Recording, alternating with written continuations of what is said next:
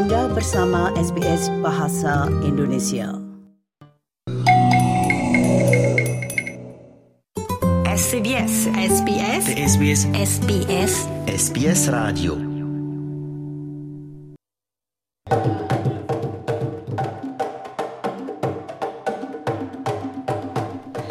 Anda masih bersama SBS Audio program Bahasa Indonesia.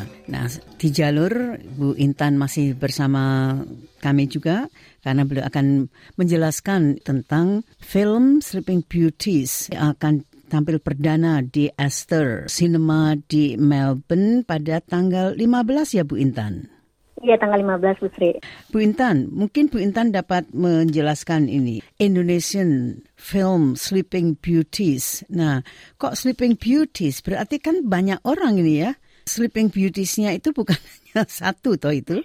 Ya. Betul. Secara ringkas Bu Intan dapat menjelaskan itu. Itu tentang apa? Uh, sebenarnya ini tentang Cahya, imigran dari Indonesia yang menikah dengan uh, orang Australia yang kemudian suaminya meninggal dan dia sedang hamil. Jadi dia itu desperate ingin connect lagi dengan suaminya because he's, itu satu-satunya orang yang dia miliki di Australia. Tapi dia menemukan cara yang salah untuk bertemu dengan suaminya yang sudah meninggal dengan menggunakan orang orang pinter lah kalau kata orang Indonesia sehingga itu membuka pintu ke dunia lain. Jadi selain ketemu sama suaminya dia juga ketemu dengan hantu-hantu lain yang itulah yang kita panggil sleeping beauties. Jadi si hantu-hantu yang tertidur itu dan mereka adalah semuanya perempuan. Gitu. Ini mengingatkan saya itu ada itu acara di mana di TV di ABC itu juga begitu kan rumah yang dihuni oleh banyak hantu yang hanya dapat dilihat oleh oleh penghuni rumah itu yaitu istri. Jadi uh -huh. ini film horor atau film apa kalau kita lihat genre-nya? Kalau genrenya supernatural horror, jadi nggak bukan horror yang gore banyak gore, tapi ini lebih ke psikologis horror. Jadi karena dramanya lebih lebih banyak daripada horornya. Ya, sebentar Mbak Mbak Intan, kita lanjutkan ya. Ya. ya. Jadi ini Mbak Intan pun juga berperan di sini ya, kalau saya tidak keliru. Iya, saya jadi main karakter di situ sebagai Cahaya. Dan sebenarnya pada kenyataannya si Cahya yang sedang hamil itu saya beneran lagi hamil waktu itu Bu. Pada waktu itu. Nah, apa tadi yang, yang menginspirasi pembuatan film ini? Um, sebenarnya ini kan kolaborasi antara saya dengan Stuart yang waktu itu ibu juga pernah interview ya. Yeah. Jadi um, Stuart sendiri kan lebih ke horror director, lagi genrenya dia lebih ke situ. Sedangkan saya lebih drama. Di Indonesia orang tahunya saya drama queen gitu kan. Kalau bikin drama ya udah saya bisa. Nah, akhirnya karena kita kolaborasi, jadilah si genre yang supernatural horror ini yang nggak terlalu horror tapi ada dramanya. Jadi kalau kita nyebutnya woman horror. Jadi... Horor yang masih di, bisa dinikmati sama perempuan-perempuan yang takut horor, tapi lebih ada greknya, gregetnya gitu, karena nggak sekedar drama aja gitu. Tapi basic ceritanya benar-benar about a lonely Indonesian in Australia.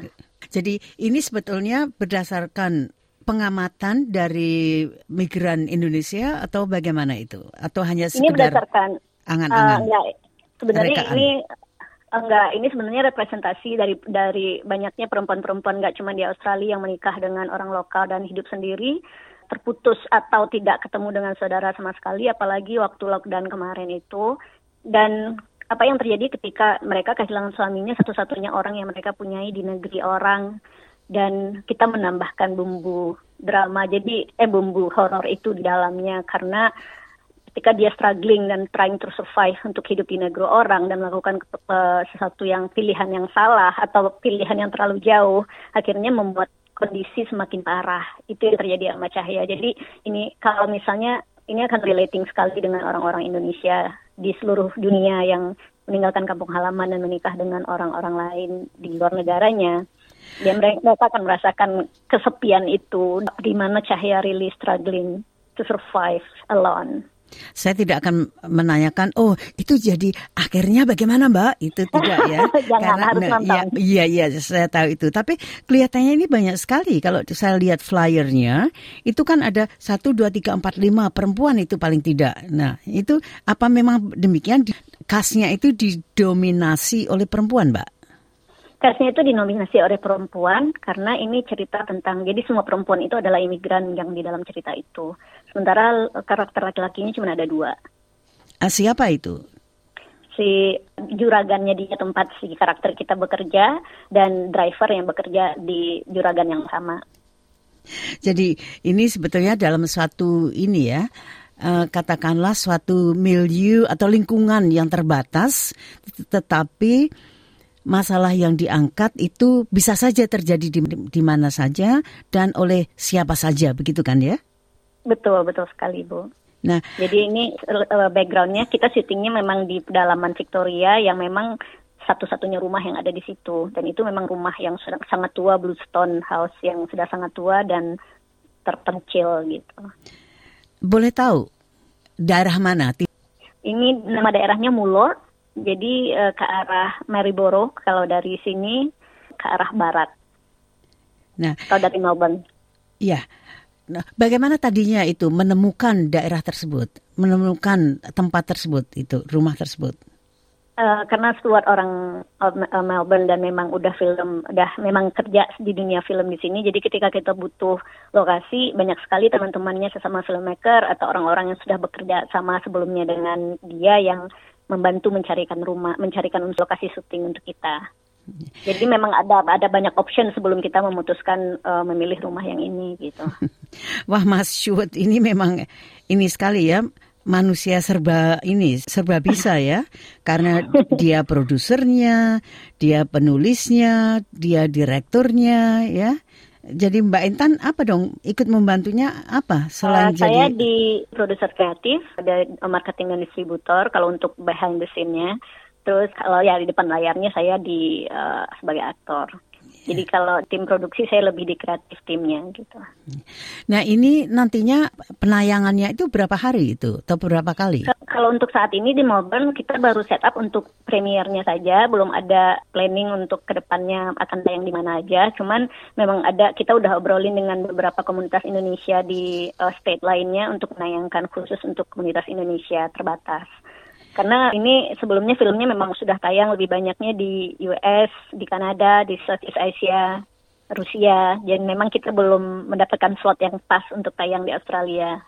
Kalau misalkan di tempat-tempat lain itu memang di sinema atau mengikuti seperti festival-festival film? Di sinema jadi tayang seperti tayang normalnya biasa. film yeah, di sinema yeah, iya yeah. jadi ada kemungkinan nanti tayang di misalkan festival film Melbourne misalnya atau apa begitu? Uh, kalau untuk festival film Melbourne, MIF kan sebenarnya udah yeah. jalan sekarang. Sebelumnya memang ada rencana untuk tayang di Monster Film Festival di Melbourne, tapi sayangnya kita udah tayang duluan, jadi kita udah nggak eligible untuk tayang di sana.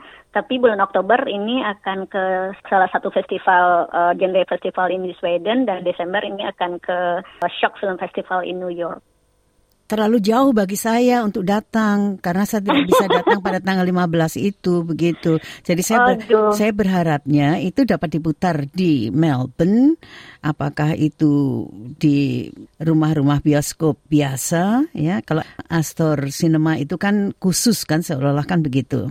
Itu. Iya. Mungkin uh, bisa dibicarakan nanti itu sebenarnya ide yang memang kita sudah pengen lakukan juga. Cuman ya kita juga sama tahu orang Australia kan nontonnya juga pilihannya kalau untuk yang berbahasa Inggris mereka lebih prefer nonton kebanyakan yang film produksi Amerika gitu. Jadi saingan kita itu. Itulah sebabnya ya, merupakan suatu tantangan kan justru? Iya betul. Itu. Nah jadi berarti ini semuanya dalam bahasa Inggris atau ada subtitlenya Mbak? semuanya 80% itu bahasa Inggris, ada 20% bahasa Indonesia. Nah, bagian yang bahasa Indonesia ada subtitle bahasa Inggrisnya. Dari The Sleeping Beauties-nya itu sendiri ini dari mana-mana kan ya? Artinya itu background dari aktornya itu dari mana-mana, bukan hanya orang Asia atau orang Indonesia khususnya begitu tidak. Mereka semua, semua aktornya adalah based in Melbourne, tapi latar belakangnya mereka macam-macam. Ada yang Filipina, ada yang Vietnamese, ada yang isi Europe. Tapi masih orang lokal ya, artinya orang ya, dari Melbourne. Semuanya, ya, ya soalnya nah, base-nya Melbourne. Mbak, karena situ termasuk yang apa kreatif produsernya dan pemasaran itu, apa sih tantangannya membuat film di Melbourne, Mbak? Uh, tantangan terbesarnya adalah Kalau saya bandingkan dengan Indonesia, tantangannya lebih ke distribusinya. Kalau misalnya kita tidak membuat film dengan budget minimal yang sudah ditentukan pemerintah. Sedangkan untuk mencapai budget yang ditentukan pemerintah itu lumayan besar. Jadi tantangannya itu sebenarnya untuk memproduksi film dengan skala besar itu. Kalau kita belum terbiasa, karena memang jalurnya untuk sampai ke sana nggak mudah gitu. Sedangkan film uh, Sleeping Beauty ini kan kita bikinnya independen. Nah, itu yang yang saya pengen tahu. Karena kalau film independen itu berarti pendanaan kan juga diusahakan sendiri begitu. Bisa atau Betul. tidak? Tapi masih bisakah itu mengajukan dana kepada pemerintah? Karena untuk arts dan sebagainya itu biasanya kan ada kan? Dana dari pemerintah itu ada, tapi ada aturan-aturan yang kita harus capai untuk eligible mencap, uh, untuk mendapatkan bantuan pemerintah itu. Misalnya uh, budget minimal film itu harus 500 ribu dan untuk sampai 500 ribu itu berarti kan kita harus breakdown semua budget budget filmnya, kemudian dari mana uangnya akan datang, ya itu hitung hitungannya produser, yeah. Sehingga kita bisa apply untuk mendapatkan dana dari uh, Screen Australia atau Screen Victoria seperti itu. Tapi kalau di Melbourne atau Victoria itu juga itu ekosistemnya bagaimana bagi pembuat film atau bagi sinias? ekosistemnya bagus sebenarnya bahkan sebenarnya um, human research-nya jadi orang-orang yang skill itu banyak yang justru kurang itu adalah produksinya. Hmm. Iya, terbalik dengan di Indonesia. Jadi kalau di Indonesia produksinya banyak sampai kita kekurangan orang gitu. Nah di Melbourne itu sendiri mereka itu nggak cuman bagus tapi mereka juga mendapatkan pendidikan yang layak untuk sampai jadi filmmaker. Jadi uh, skillnya mereka itu sangat bagus, tapi less experience karena tidak banyak produksi yang jalan di sini gitu. Makanya untuk bisa membuat film independen itu sebenarnya nggak mudah juga di sini gitu. Itu kayak karena tantangannya yang berat tadi itu. Kalau orang mencari 500 ribu itu saja dia sudah wow apa iya. namanya yeah. kan membuat kita jadi keder ibaratnya kan begitu kalau tidak pintar-pintar yeah. untuk mencari uh, dananya itu tadi. Nah, Mbak, tapi kalau kita berbicara tentang aktornya itu sendiri bagaimana? Aktor di Melbourne justru sangat banyak pilihan karena kan Melbourne-nya sendiri adalah multicultural dan semuanya bisa bahasa Inggris. Jadi kalau untuk bikin seperti kalau sistem sistem pemasaran film yang kami buka, buat selalu adalah marketnya itu untuk international market otomatis yeah. filmnya harus berbahasa yes. Inggris. Jadi apa pun ceritanya akan sangat mudah bagi kita untuk mendapatkan talent yang bisa berbahasa Inggris. Misalnya oh, kita butuh latar belakangnya orang Indonesia yang bisa bahasa Indonesia, tapi mereka juga oh, fasih berbahasa Inggris, sehingga gampang untuk membuat cerita apa pun itu lebih gampang untuk mendapatkan aktornya di sini dan kualitas mereka bagus-bagus. Belum beruntung aja untuk mendapatkan project seperti itu. Mereka banyak di luar sana yang bagus-bagus. Kalau di sini kan ada kan beberapa ya. Kalau men mau mencari oh, itu ya the budding actors itu kan bisa saja ke St. Martin Youth Drama itu kan juga ada gitu dan banyak sekali lah selain dari VCA. Nah, oh iya banyak. Iya. Tadi sudah dikatakan ini sudah tayang di mancanegara kan begitu kan? Eh, iya. Eh, bagaimana tanggapannya? Ke mana saja tadi ke, yang ke Eropa bagaimana? Kalau yang di Eropa dia belum tayang, tapi sudah dibeli oleh distributor di sana. Yang udah tayang itu di Rusia sejak tanggal 29 uh, eh, Juni dan sampai sekarang masih tayang. Kalau misalnya sampai sekarang masih tayang berarti masih ada orang yang beli tiketnya. Yeah. Mm -hmm. Terus udah tayang di Kamboja sekitar satu setengah bulan yang lalu. Jadi main di Kamboja sekitar satu bulan lebih. Akan segera tayang di Malaysia. Terus yang masih tayang itu sekarang di di Amerika masih tayang dan masuk ke platform Tubi di sana juga. Jadi kalau untuk di Amerika udah bisa mulai diakses di di Tubi. Tapi oh, iya? terbatas yeah? hanya di negara itu. Iya, yeah, hanya yeah. terbatas di negara itu nah, gitu. Tapi tadi tadi katanya mau tayang di New York itu sudah di New York itu untuk festival, Shock Film Festival di bulan Desember, tanggal 9 Desember. Apa itu ya, maksudnya? Shockfest. Shockfest itu film festival yang memang lebih ke genre festival. Jadi kayak horor, tapi mereka mem memainkan segala genre. Kalau yang Shock Festival ini, jadi kalau di, di dunia itu kan banyak sekali jenis-jenis film festival. Ada yang yeah. kalau untuk horor itu ada Fantasia, ada Fantastic Film Festival. Jadi yang memang lebih ke genre film festival. Kalau kayak Cannes atau Sundance itu kan lebih ke umum. drama ya, uh, uh, umum, iya. Yeah. Nah, Mbak, saya tadinya ingin mengelompokkan jadi yang tanggapan di Eropa bagaimana, di Amerika bagaimana, dan di Asia bagaimana. Itu tadinya saya mau begitu. Tapi secara umum bagaimana tanggapannya? So far kalau orang yang memang penonton horor kelas berat, mereka menganggap horor ini terlalu ringan. Jadi mereka mau yang lebih horor lagi. Yeah. Sedangkan kalau yang untuk ada mak makapnya ya. Ya, uh, jadi yang memang uh, ya yang udah kebanyakan nonton horor buat mereka ini kurang horor, tapi kalau buat perempuan-perempuan yang pencinta horor lebih banyak yang suka film ini. Jadi kalau udah kelihatan dari sekarang kalau fansnya itu lebih banyak perempuan memang film ini. Jadi makanya kita sebut itu ini woman horror karena ini horor tapi berurai air mata gitu. Berarti drama lagi-lagi nah, makanya drama. tapi Yeah. Tapi yang nonton nangis tapi sambil jejeritan, nah kayak gitu. Jadi hmm. saya banyak banget dapat direct message di Facebook dan Instagram dari penonton-penonton di uh, North America, South America yang udah nonton dan berusaha mencari nama saya di sosmed. Kemudian yang DM pada bilang, Oh my God, I'm so I'm crying, so poor you, yang kayak gitu. Dan mereka semuanya itu ada yang bikin uh, bikin uh, review di TikTok, yeah. you have to watch this. Yang jadi mereka memang rata-rata perempuan semua. Yeah. Kalau mereka yang itu yang bilang, oh I'm so crying. Wah, yes indeed, you are crying baby. Iya, benar. Yeah. Tapi nah. memang sebenarnya kalau orang Melbourne banyak yang mikir, oh I'm not watching horror, tapi ini horror yang beda. Jadi jangan takut sebenarnya harus nonton gitu. Jadi mungkin harus ada embel-embelnya ya atau penjelasan. Nah, Mbak, tapi ini sayangnya untuk kali ini itu hanya tampil sekali saja ya. Penayangan itu hanya sekali ya pada tanggal 15 ya, untuk, itu. Ya kita kan ini menyebutnya Australian Premier, jadi hanya tayang perdananya, tapi kita memang ada rencana untuk tayang berikutnya, cuman belum ada lock tanggalnya gitu. Ya. Tapi maksudnya tayang perdana kan bisa, oh perdana A, perdana B. Benar juga Ibu. itu maksudnya, memang itu perdana ya, jam 1.30 itu, right? misalkan. 1.30 ya. iya. Tapi terus kalau yang kelewatan bisa kok nanti jam 3 atau jam 7 lagi, nah itu maksud saya. Jadi oh, per, iya. per, perdana bertahap.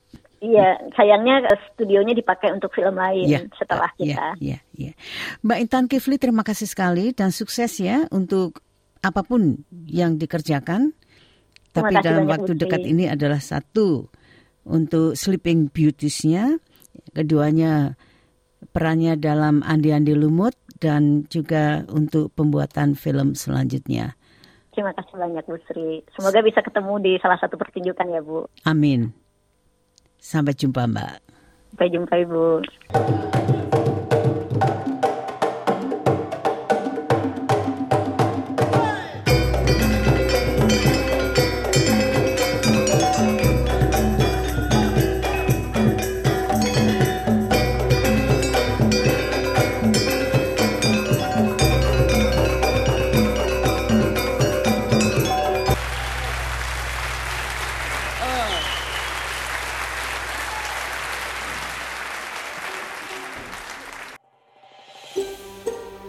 Ingin mendengar cerita-cerita seperti ini?